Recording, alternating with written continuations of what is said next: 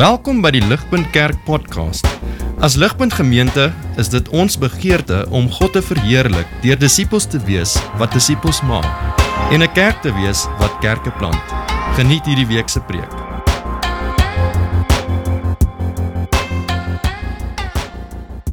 Ons begin vandag met hierdie nuwe reeks uh, in Genesis 37 tot Genesis 50 soos reeds genoem is, uh, die evangelie volgens Josef.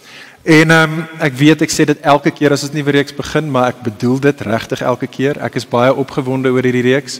Ehm um, dit is lekker en dit is goed en ek dink is iets wat ons nie genoeg doen as moderne Christene nie is om tyd te spandeer in die Ou Testament en spesifiek in die stories. En so deels van hoekom ons hierdie doen is want ons wil hierdie uitstekende stories hoor, ware verhale, maar nog steeds stories hoor wat daar duisende jare gelede gebeur het, maar wat so absoluut relevant is vir jou en vir my in ons lewens hier in 2022. En soos wat daai titel gesê het van die van die van die reeks, die evangelie volgens uh Josef is daar 'n uh, voor van 'n onderstelling daarso. En dit is dat ons is oortuig vriende dat die hele Bybel insluitende die storie van Josef uiteindelik is daar en is juis het gebeur en is gepen om vir jou en vir my te help om Jesus beter te leer ken en Jesus beter te verstaan wie hy is, wat hy gedoen het.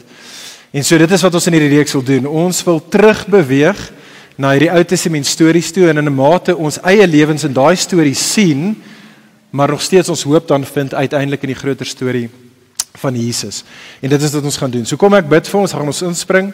Hou asseblief daai blaadjies byderhand. Ons gaan uh, ons gaan baie tyd daar spandeer vandag. Kom ek bid vir ons. Vader, ons wil uh, stil raak. Here, ek dink aan die woorde van van die liedere wat ons nou net gesing het, Here, waar ons wil erken u u gesag en u heerskappy wil ons erken oor ons lewens. Here, ons weet dat as die die opperheer, as die as die koning bo alle koning, the king of kings, u wat regeer, Here, is dit spesifiek wanneer u woord oopgemaak word en verkondig word waar u as die koning praat.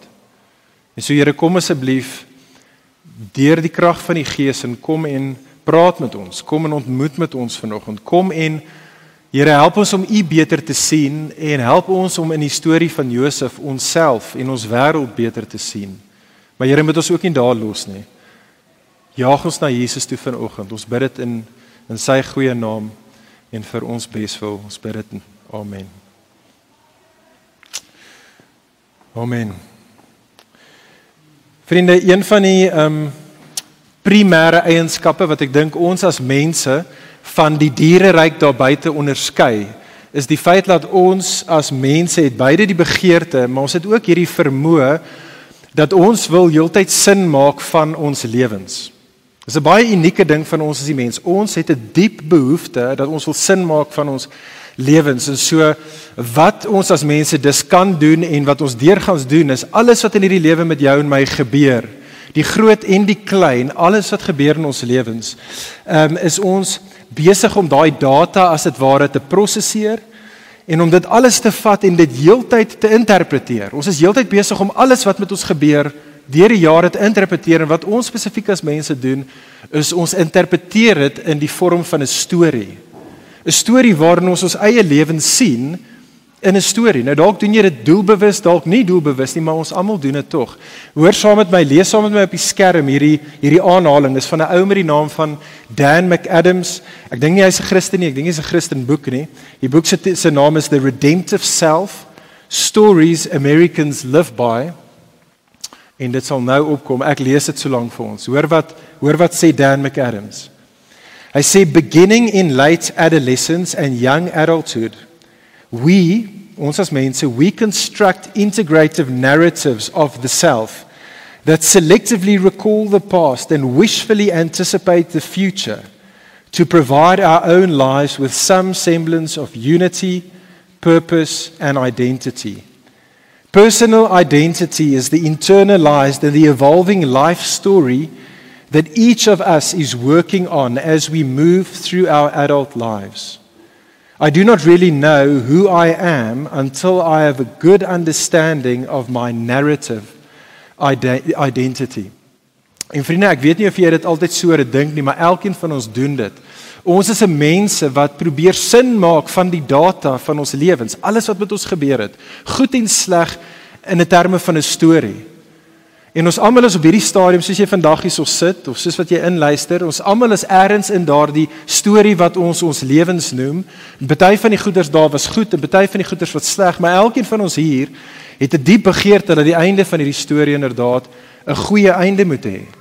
Maar dit is juis hier waar die uitdaging dan is, veral vir 'n moderne mense soos ons in 'n moderne samelewing soos ons sin.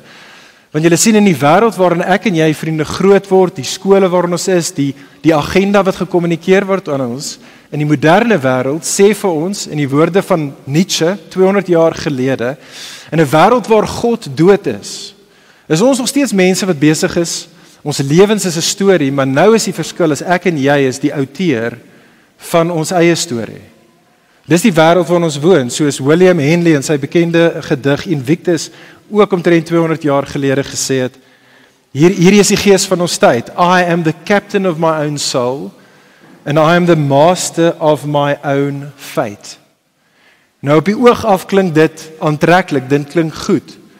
Maar vriende, die laaste 200 jaar sedert Nietzsche en Henley daai uh, woorde gespreek het, is die wêreld waarin ons woon was die sosiale eksperiment van 'n mensdom wat vir God uit die prentjie uitgehaal het. Het daai eksperiment hopeloos geslaag, nê? Nee. Ons lewe nou in 'n wêreld wat die mense sê die laaste paar honderd jaar staan bekend as the age of anxiety. Ons lewe in 'n wêreld waar ons as die mens nou meer angstig is as ooit tevore. En ons wêreld is nou meer gebroke as ek dink as ooit tevore. Disfunksionaliteit in die gesin is nou groter as wat dit nog ooit tevore was. Gebrokenheid in die samelewing is nou groter as nog ooit tevore. Korrupsie, geweld, oorlog, soos wat ons heidaglik sien ook afspeel. En vriende, ek begin daar want want ek wil hê ons moet verstaan dat ons as mense Juis in 'n tyd soos nou het die boodskap van Genesis 37 tot 50 nodig. Want dit is presies waaroor Genesis 50 uh, Genesis 37 tot 50 toe gaan, oor gaan. Vriende, wat ons gaan sien in hierdie reeks is ons gaan hier kyk na die lewensstorie van 'n man met die naam van Josef. En ons gaan sien in die in die lewe van hierdie ou Josef hoe deur die hoogste van highs en die laagste van lows in sy lewe, hoe hy deur sy lewensstorie kom en aan die einde van sy lewensstorie, Genesis 50 vers 20, gaan ons sien gaan hy terugkyk en dan gaan hy kyk na alles wat in sy lewe gebeur het, die goed en die sleg, die klein en die groot dinge en hy gaan getuig en sê deur dit alles was die Here goed vir my gewees. En die rede hoekom hy dit gaan sê dat die Here was goed vir hom gewees is want Josef gaan ons sien was oortuig dat God is die outeur van sy lewensstorie. Hy is oortuig dat God is uiteindelik die outeur van die storie van sy lewe en van almal se lewens. En dat wat Josef doen is Josef kyk en verstaan en interpreteer sy eie lewe, sy eie storie in die hand van hierdie groter storie wat God besig is om te skryf. God se storie. En dit is my gebed vir myself. Ek wil iemand word soos dit Ek wil iemand wees wat meer deur al die wobblies van hierdie lewe, al die ups en die downs kan perspektief hou, goddelike perspektief hou, soos wat ek kan onthou maar God is die outeur van die storie en soos wat ek kan my storie sien in sy storie. Dis my gebed vir myself en vriende, dit is ook my dit is ook my gebed vir vir elkeen van ons en vir ons as 'n kerk. En so ons begin vandag dan Genesis 37 met hierdie storie, die storie van Josef. En ons gaan vandag kyk na daai gedeelte wat gelees was Genesis 37. Eh, maar voordat ons hier in ons kan net hier inspring nê. Ons het nodig om dit te plaas in die groter storie van die boek van Genesis, die storie van God. En so baie vinnig, hardloop saam met my gou vinnig deur die storie tot en met hierdie punt. Genesis 1 natuurlik vertel vir ons dat hierdie wêreld is geskep deur God. Hy is die skepper en hy skep toe in die wêreld die mens as die kroon van sy skepping. En baie belangrik want ons gaan dit spesifiek dit gaan uitstaan in ons gedeelte vandag. Baie belangrik in Genesis 1 vers 26 tot 28 wanneer God die mens skep, skep hy juist die mens sodat die mens sal regeer oor hierdie wêreld. Sal heers, dominion sal hê sê die engels oor hierdie wêreld. Onder sy heerskappy maar oor die wêreld regeer. Dit is waarvoor ons geskep was.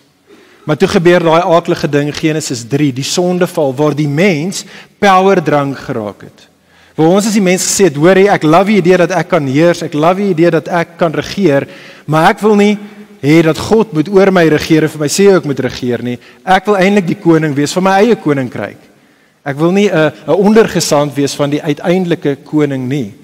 En dis die sondeval en die mens word op daardie stadium vervreem in sy verhouding van die Here af. Hy word buite God se goeie teenwoordigheid geplaas. Die mens van daardie stadium af geniet nie meer God se seëning nie in die wêreld om onder die mense heerskappy geniet nie meer God se seëning nie, maar nou beide die mense en die res van die skepping ervaar nou God se vloek.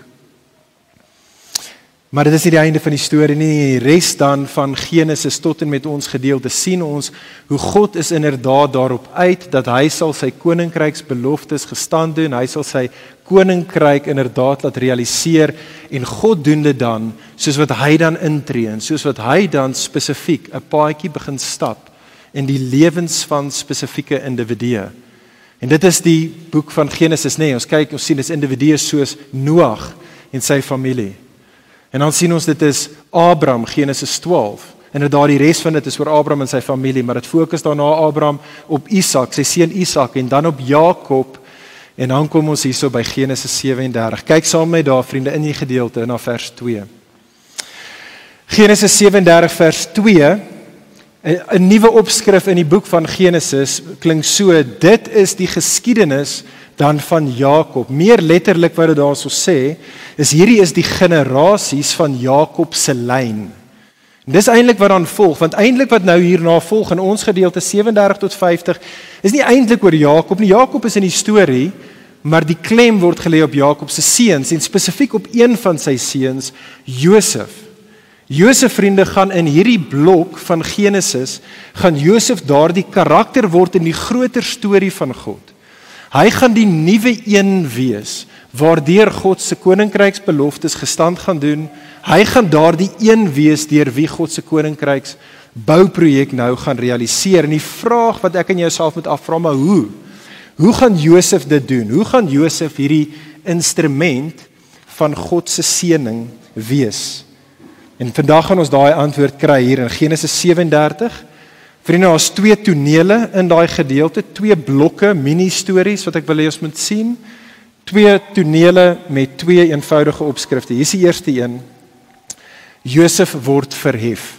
Kyk saam met my daarso vers 2 tot vers 11. Ons gaan daai storie volg en ek wil hê ons moet die storie hoor en verstaan. Ons sien hierso Josef word verhef. Die toneel hier beklemtoon vir ons dadelik uit die staatspoor uit 'n spanning. Soos in alle goeie Ou Testament stories, dit begin met 'n spanning. En die spanning hier is onder Jakob se seuns, tussen Josef en sy broers. Inderdaad, die gedeelte gaan ons oor en oor sien. Jy het seker opgetel dat Josef se broers haat hom en in hierdie gedeelte, die eerste toneel, sien ons hierdie drie bewegings in die storie wat verduidelik hoekom sy broers hom verpes. Hoekom hulle hom haat sien dit raak saam met die drie bewegings. Eersteen is in vers 2. Ons word vertel van hierdie insident tussen Josef en 'n paar van sy broers. Let wel, dit is die seuns van Bilha en Silpa. Nou Bilha en Silpa is twee van Jakob se vrouens, slavin vrouens. Hulle was eintlik die slavin, die slavinne van Rachel en van Lea gewees wat ook vir Jakob kinders in die wêreld ingebring het. Vier seuns as dit ware in die wêreld gebaar het. Dan Sy naam is Dan, Naftali, Gad en Aser. En daai vier seuns saam met Josef dan word deur eh, Jakob dan uitgestuur om na die kleinvee te gaan kyk. Die die die die hierdie mini gedeelte vertel ons nie baie presies wat daar gebeur het nie. Al wat ons weet is Josef was 17 jaar oud gewees. Hy saam met hierdie halfbroers van hom daar. Ehm um, en wat in die oorspronklike taal vir ons duidelik is is dat buiten dat hy die jongste is, hy 17 op hierdie stadium, blyk die oorspronklike taal daarso dat hy was die ander broer se assistent gewees. Hy was soos hulle appie gewees, hulle handlanger gewees en hulle is nou daar in die veld kyk na die diere. En weer eens ons word nie baie vertel nie, maar wat ons wel kan tussen die lyne lees is dat daai ander broers, hierdie ander broers van Josef het iets gedoen wat hulle nie hulle verantwoordelikheid nagekom het nie of hulle het iets dodgy gedoen, iets oneties gedoen en so Josef gaan na sy pa toe met 'n slegte gerig wat hy aan sy vader bring. En dadelik hier het ons die begin van die spanning. Hier's 'n spanning tussen Josef en sy skynbare geregtigheid en sy broers en hulle skynbare ongeregtigheid. Maar dit is nie vriende so wit en swart nie en dis belangrik vir ons. Dit gaan belangrik wees vir ons in die storie. Dis nie presies so duidelik vir ons wat hier aangaan nie. Is Josef regtig besorgd oor Jakob se kleinvee en oor sy pa se welstand? Of is Josef dalk besig net om stories aan te dra sodat hy net hoor op die food chain kan kom en nie meer die assistent onder hierdie broers gaan wees nie? En dit is nog nie vir ons duidelik nie. Tweede beweging in hierdie storie, hoe die spanning dan eskaleer, die konflik. Vers 3 en 4 vertel vir ons dat Josef was ook Jakob se geliefde seun gewees. Want sê die teks sien daar, want hy was Jakob se seun van die ouderdom. Nou al wat dit beteken letterlik van die ouderdom is dat Josef was op daai stadium Jakob se jongste seun. Op hierdie stadium lyk dit nog nie of Benjamin gebore is nie of as hy gebore is is nog jonk en so hier is die klein jongste seun en moenie vergeet nie Josef is die eersgeborene seun van Rachel wat natuurlik Jakob se favourite vrou is. Sy geliefde vrou Rachel is. En so wat jy hier het is hy is dadelik die wit broodjie onder die seuns en daar is dan hierdie teken Hierdie teken vir almal om te sien en pynvol vir sy broers om te ervaar van Jakob wat die gunste van Josef wat die gunsteling is en dit is hierdie kleed wat hy gegee word. Die Afrikaans vertaal dit as 'n lang rok met moue. Eh, die Engels vertaal dit as 'n 'n kleed 'n robe of many colors, 'n kleed van kleure wat 10 10 en ek dink ek my gut feeling is dis nader aan aan aan wat dit moet wees. Maar die punt is dit, daar's hierdie tasbare herinnering dat hy is die geliefde seun. Hy is die wit broodjie hier en sy kleed is is daar om dit vir almal te wys, maar ook dat hy behoort 'n spesiale status te geniet onder sy broers. In daai konteks is hierdie tipe van kleer, klere en hierdie kleed is is is is 'n simbool van amper soos gesag van die een wat eintlik 'n gesag geniet onder die die ander en dit is wat ons hier het en sê die teks vir ons vir daardie rede het sy broers hom gehaat. Vir daardie rede het hulle nie net sleg van hom gepraat nie, maar sê die teks vir ons daarso het hulle sleg met hom gepraat. En dit bring ons dan by die die derde beweging in hierdie eerste storie vers 5 tot 11. Dankie Elof. Vers 5 tot 11. sien ons ons hierdie twee drome. So daar's hierdie twee drome wat Josef het wat hy gehaat het en wat gemaak het dat sy broers hom gehaat het. En ehm um, ja, so ver, ver, verbeel dit. Jy's ehm um, Josef kom die oggend by die ontbyttafel, daarso sit die hele familie. Uh Josef se broers is daarso en hulle kom by die ontbyttafel en onthou nou hulle klaar like hom nie baie nie, so almal draai so klein bietjie weg van hom of hulle praat met mekaar nie met Josef nie. Dis awkward silence. Josef kom en hy sê: "Hoorie, broers, julle sal nie glo wat ek gisterand gedroom het nie. Amazing droom." Ek het gedroom van ons is in die veld, ons is besig om daarso hierdie die die koring bymekaar te kry en ons sit dit in ons gerwe en my koring gaan uh, gerf staan op en julle koringgerwe almal gaan hulle buig voor myne. En ek wonder wat my droom kan beteken. En soos in sy broers baie duidelik verstaan wat dit beteken want dadelik verloor hulle dit daarso vers 8. Hulle sê vir hom: "Hoor hierso Josef, dink jy jy gaan oor ons regeer?" Daai woord is belangrik daar. Dink jy jy gaan oor ons heers? Sê die broers ook daarso. Op die kersie op die koek en is duidelik hierdie jong tiener Josef het nie baie EQ op hierdie stadium nie. 'n Paar dae later is hulle weer by die ontbyttafel. En en en en, en Josef weer awkward silence. Hy dink hoorie, maar kom ek sê iets by die tafel. Hy sê julle sal dit nie glo nie, ek het weer gedroom. En hierdie keer, hierdie keer het ek gedroom dat uh, die son en die maan en 11 sterre voor my buig. En almal kyk om hulle en daar sit die pa en die ma en die 11 broers, okay? Nie rocket science wat dit beteken nie. Soveel so dat jy kan net imagine voordat hulle om net daarso gryp, sê Jakob dan vir Josef, hy teks sê dat Jakob het vir Josef hard bestraf en hy sê vir hom, "Dink jy werklik dat ek en jou ma en jou broers voor jou moet neerbuig?" Josef, dink jy regtig dat jy gaan oor ons heers? Dink jy jy gaan oor ons regeer? En so vriende, hierdie is wat die toneel oor gaan. Hierdie is die oorspronklike soapie wat hier afspeel. Dink Bold and the Beautiful. Ek weet jong mense weet nie wat soapies is nie. Dink Days of Our Lives. Dink Igoli vir die van ons wat Igoli gesien het. Soapies gaan hier oor. As jy gewonder het, soapies is power struggles. Okay, dis wat soapies oor gaan. En hier het ons die oorspronklike soapie. Die storie van hoe hierdie Josef eers tussen 'n paar van sy broers verhef word, dan oor al die broers verhef word, dan uiteindelik oor die hele gesin verhef word in 'n prentjie wat half kosmiese taal het. Dis die storie van 'n power struggle. Die enigste ding is dis eintlik nie die oorspronklike soapie nie. En dis belangrik vir jou en vir my om te verstaan, vriende. Dit wat hier gebeur, gebeur in die storie van Genesis nog die heeltyd. As ons net letterlik rewind in die storie, dan sou ons gesien het in Jakob se lewe met sy broer en met sy familie was daar net so 'n power struggle geweest. Rewind terug na Isak. Met Isak en met sy broer en in sy familie het hulle daar so 'n power struggle gehad. Rewind terug na Abraham toe. In Abraham is dit die storie van Abraham en sy broer in die wêreld met sy power struggle struggle binne die familie. Gaan meer terug na die storie van Noag toe. Noag is 'n storie en as jy aan die einde van Noag kom, waar daar hierdie power struggle as dit ware is tussen Noag en sy seuns en gaan terug na die heel eerste storie na die sondeval. Wat is dit? Kain en Abel. Die oorspronklike power struggle tussen die twee broers. Vriende, hier is die belangrike ding vir ons om te verstaan. Hoor asseblief mooi. Josef wanneer Josef in ons gedeelte daarso praat van die son en die maan en die sterre, is daar een ander plek in die hele boek van Genesis waar daai frase gevind word. Genesis 1.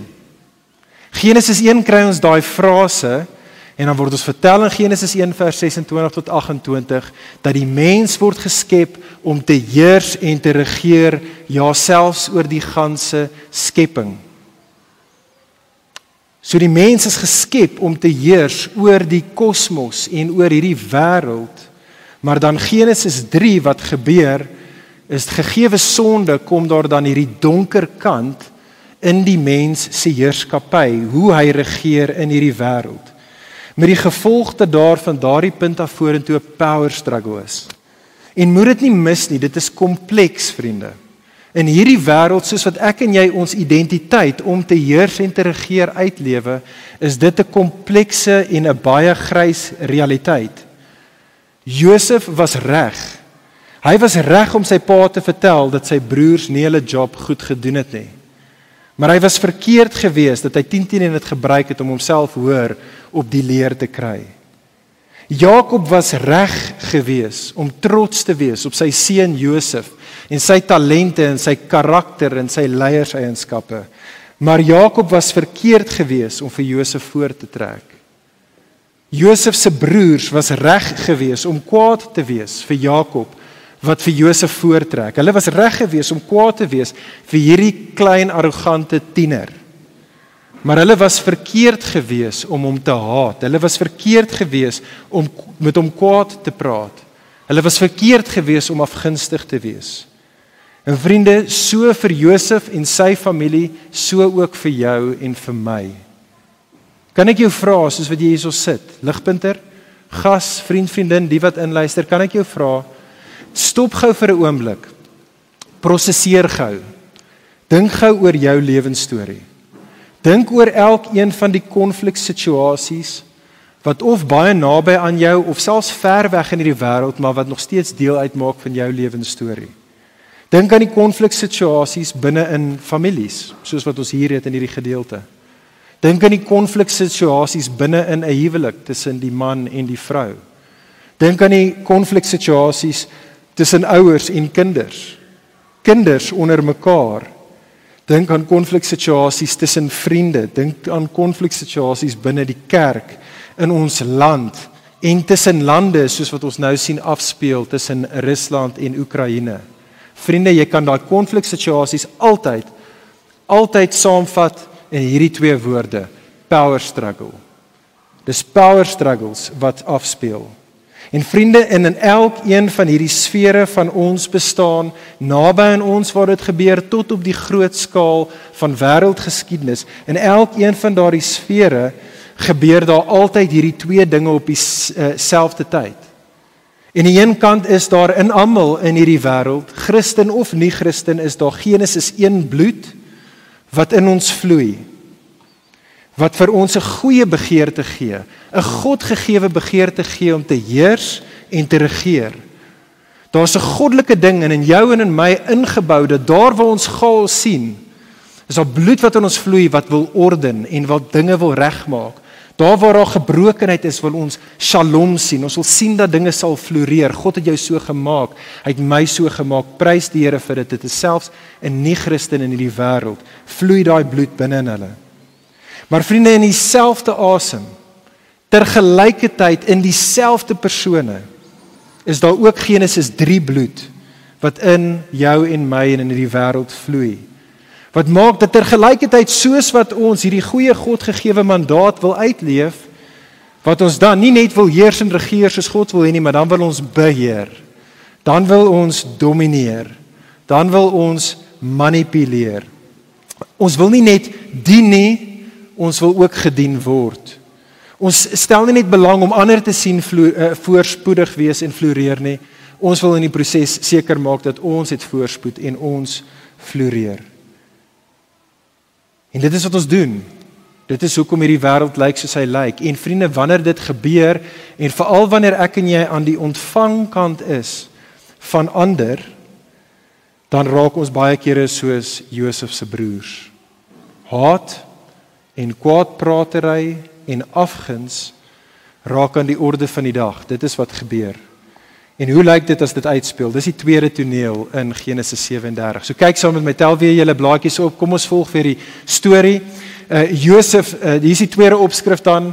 Josef word verwerp en verneder. So Josef word verhef in die eerste toneel, vers 12 tot 36. Josef word verwerp en verneder. Die tweede toneel Hierdie keer is dit weer baie soos die eerste toneel, weer 'n storie oor hoe Jakob se seuns dat die kleinvee kyk, maar hierdie keer is dit nie Josef nie, Hierdie keer is dit die res van sy broers wat na die kleinvee gaan kyk en ons word vertel daar in die storie sien raak sommer daar aan die begin. Ja, Josef se broers is by Sichem. Dis so 80 km noord van Hebron waar Jakob en die familie gebly het. En baie belangrik, ons het van Sichem gelees in Genesis 34.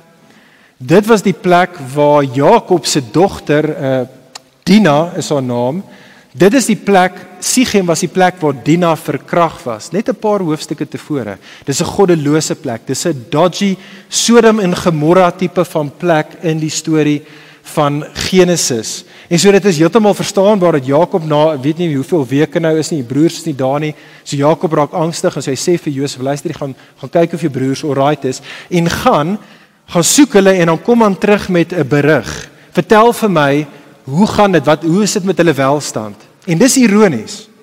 Dis ironies vriende wat nou gaan gebeur in die res van die storie is presies die omgekeerde. Ja, Josef gaan uitgaan, maar dit is nie sy broer se welstand wat in gedrang gaan wees nie, dit is sy welstand wat in gedrang gaan wees. En dis nie hy wat met 'n berig gaan terugkom oor hoe dit met hulle gaan nie. Hulle gaan op die einde van die storie nuus stuur oor hoe dit met Josef gaan. En so kom ons volg wat ge, gebeur en so Josef is gehoorsaam vers 13 aan sy pa en hy gaan na Sichem toe. Hy vind hulle nie daar nie, maar hy vind hierdie naamlose man, sê die teks. Ons weet nie wie die naamlose man is nie. In party van die Joodse ander Joodse geskrifte is hierdie naamlose man uh spekuleer hulle is die engel Gabriël. Ons word dit nie gesê nie, maar wat wel duidelik is in God se soewereiniteit is hierdie man daar geplaas want hy gaan baie spesifiek Josef se paadjie rig. En so hy sê vir vir Josef hoor jy broers nie en Sichem nie maar hulle is in Dothan nog so 15 km net noord van Sichem.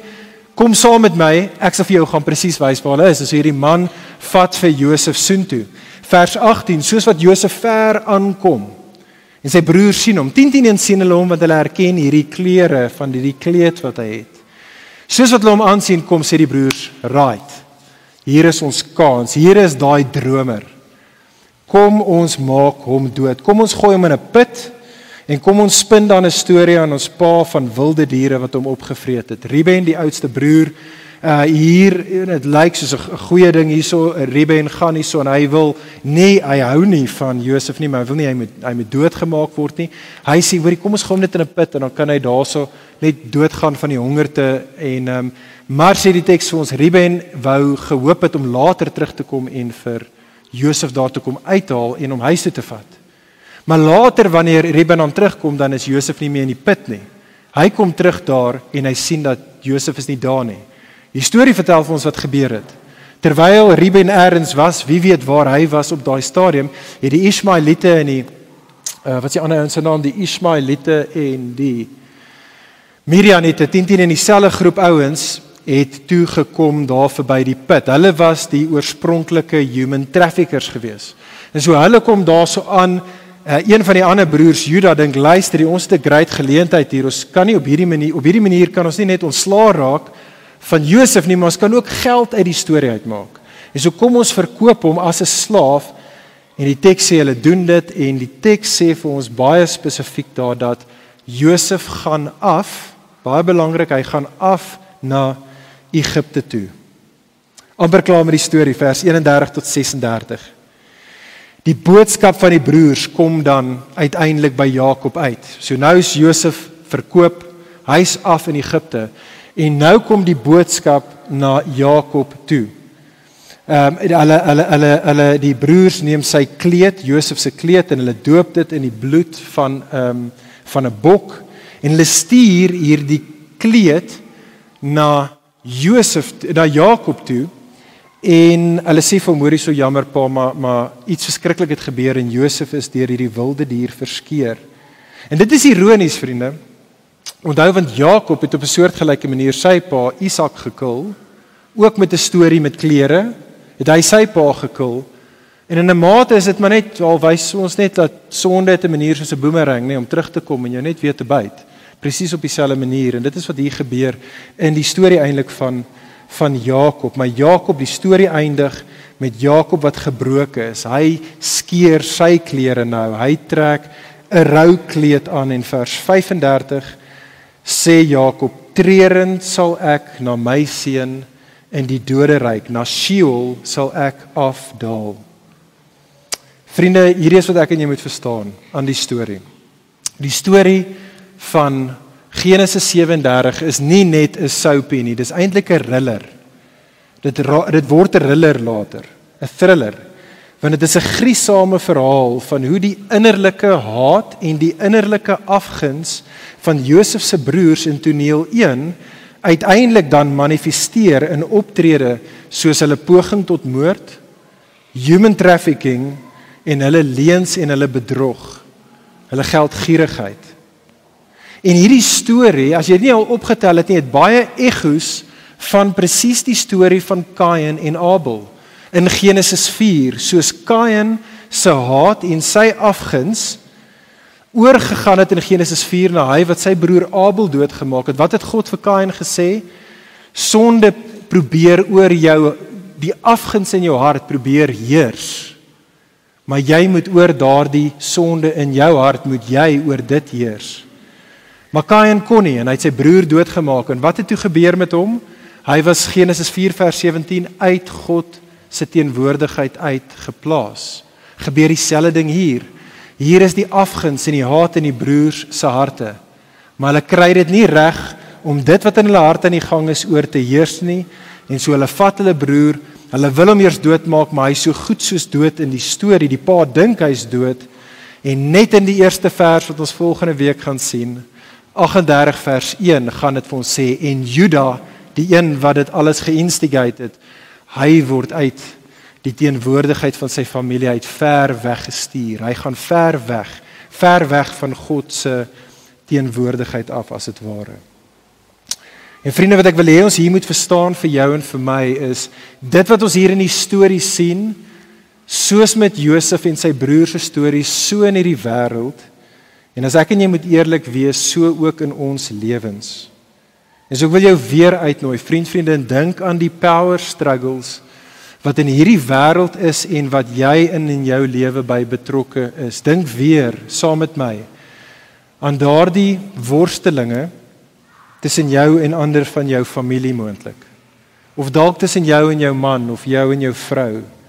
Dink aan daai worstelinge, daai struggles, power struggles tussen kinders en vriende, werk, kerk en in ons samelewing. Vriend, vriendin, vra jouself af in die taal van Genesis 4 vers 7 is die innerlike haat en afguns besig om oor jou te heers op hierdie stadium of heers jy oor dit? Want die waarskuwing in hierdie gedeelte en dit is die waarskuwing reg deur die storie van Genesis is dat as dit oor jou en my sal heers, dan is die uiteinde van die innerlike haat en afguns word chaos. Shalom rafel uit. Dit raak chaos. Dit lei tot gebrokenheid, gebrokenheid. Dit lei tot verwoesting. Vriende, en ons almal ken dit eerstens. Ons almal ken, ons sien dit wanneer dit gebeur in ons lewens baie baie naby en ons sien dit op wêreldgeskiedenis op hierdie stadium uitspeel. En so die vraag vir ons almal is, is daar enige hoop vir ons? Is daar hoop vir mense soos ons, 'n mense wat so gebroke is in ons verhouding met heerskappy? wat aan die een kant probeer die goeie en die regte ding doen maar op die beste van tye net droog maak wanneer ons dit probeer doen. En ons wat seer gemaak word en ons wat mekaar en ander seer maak. Is daar hoop vir ons? En die antwoord vriende volgens die Bybel is ja. Daar is hoop vir ons en hoop het 'n naam. En sy naam is Jesus. Sy naam is Jesus. En so hoor die evangelie vanoggend vriende. Hoor die evangelie soos ons dit vind hier in Genesis 37 en ek wil hê ons moet dit nie mis nie.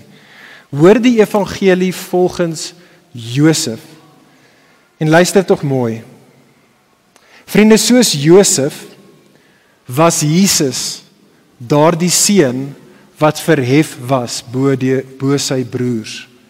Jesus was verhef bo ons sy broers in geregtigheid. Hy was sy vader se geliefde seun. Hy was die een wat geklee was in majesteit. Hy was die een wat gesag gehad het steeds het oor die hemel en die aarde. Hy was inderdaad soos Hebreërs 2 dit sê, die een wat geheers het as die beter Adam van Psalm 8. Maar soos Josef se broers, vriende, het ons as die mensdom Jesus gehaat daarvoor. En ons het vir Jesus verwerp daarvoor. Ek en jy in hierdie wêreld wou nie en wil nog steeds nie hê dat Jesus moet heers as ons geliefde en verhewe broer nie.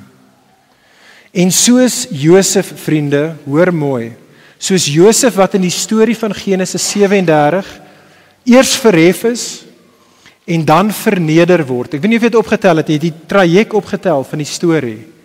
Hier's Josef, hy word verhef oor hierdie broers, dan oor die ander, dan oor die hele gesin.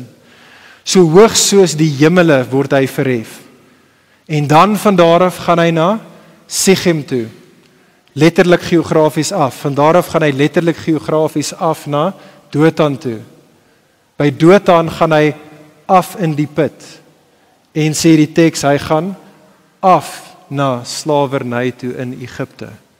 Vriende, soos die traject van Josef se lewe, so was die traject van Jesus se lewe Filippense 2 hy wat in die hemele was het homself verneder en hy het afgekom en hy het 'n mens geword en het homself verder verneder tot op daardie punt op die kruis daar was hy die geliefde seun daar was sy klere letterlik van hom af geskeur daar was hy bespot daar was hy verwerp daar op die kruis was hy wat Jesus is het hy gesterf en hy het in die put hy het in Sheol die graf opgeëindig. En hy was in ballingskap ver verwyderd van God se beloofde land. Hy was in ballingskap ver weg van sy Vader se goeie teenwoordigheid. Vriende, dit is Jesus in die storie vir jou en vir my. Maar wat ek en jy hier moet verstaan, dit moes gebeur.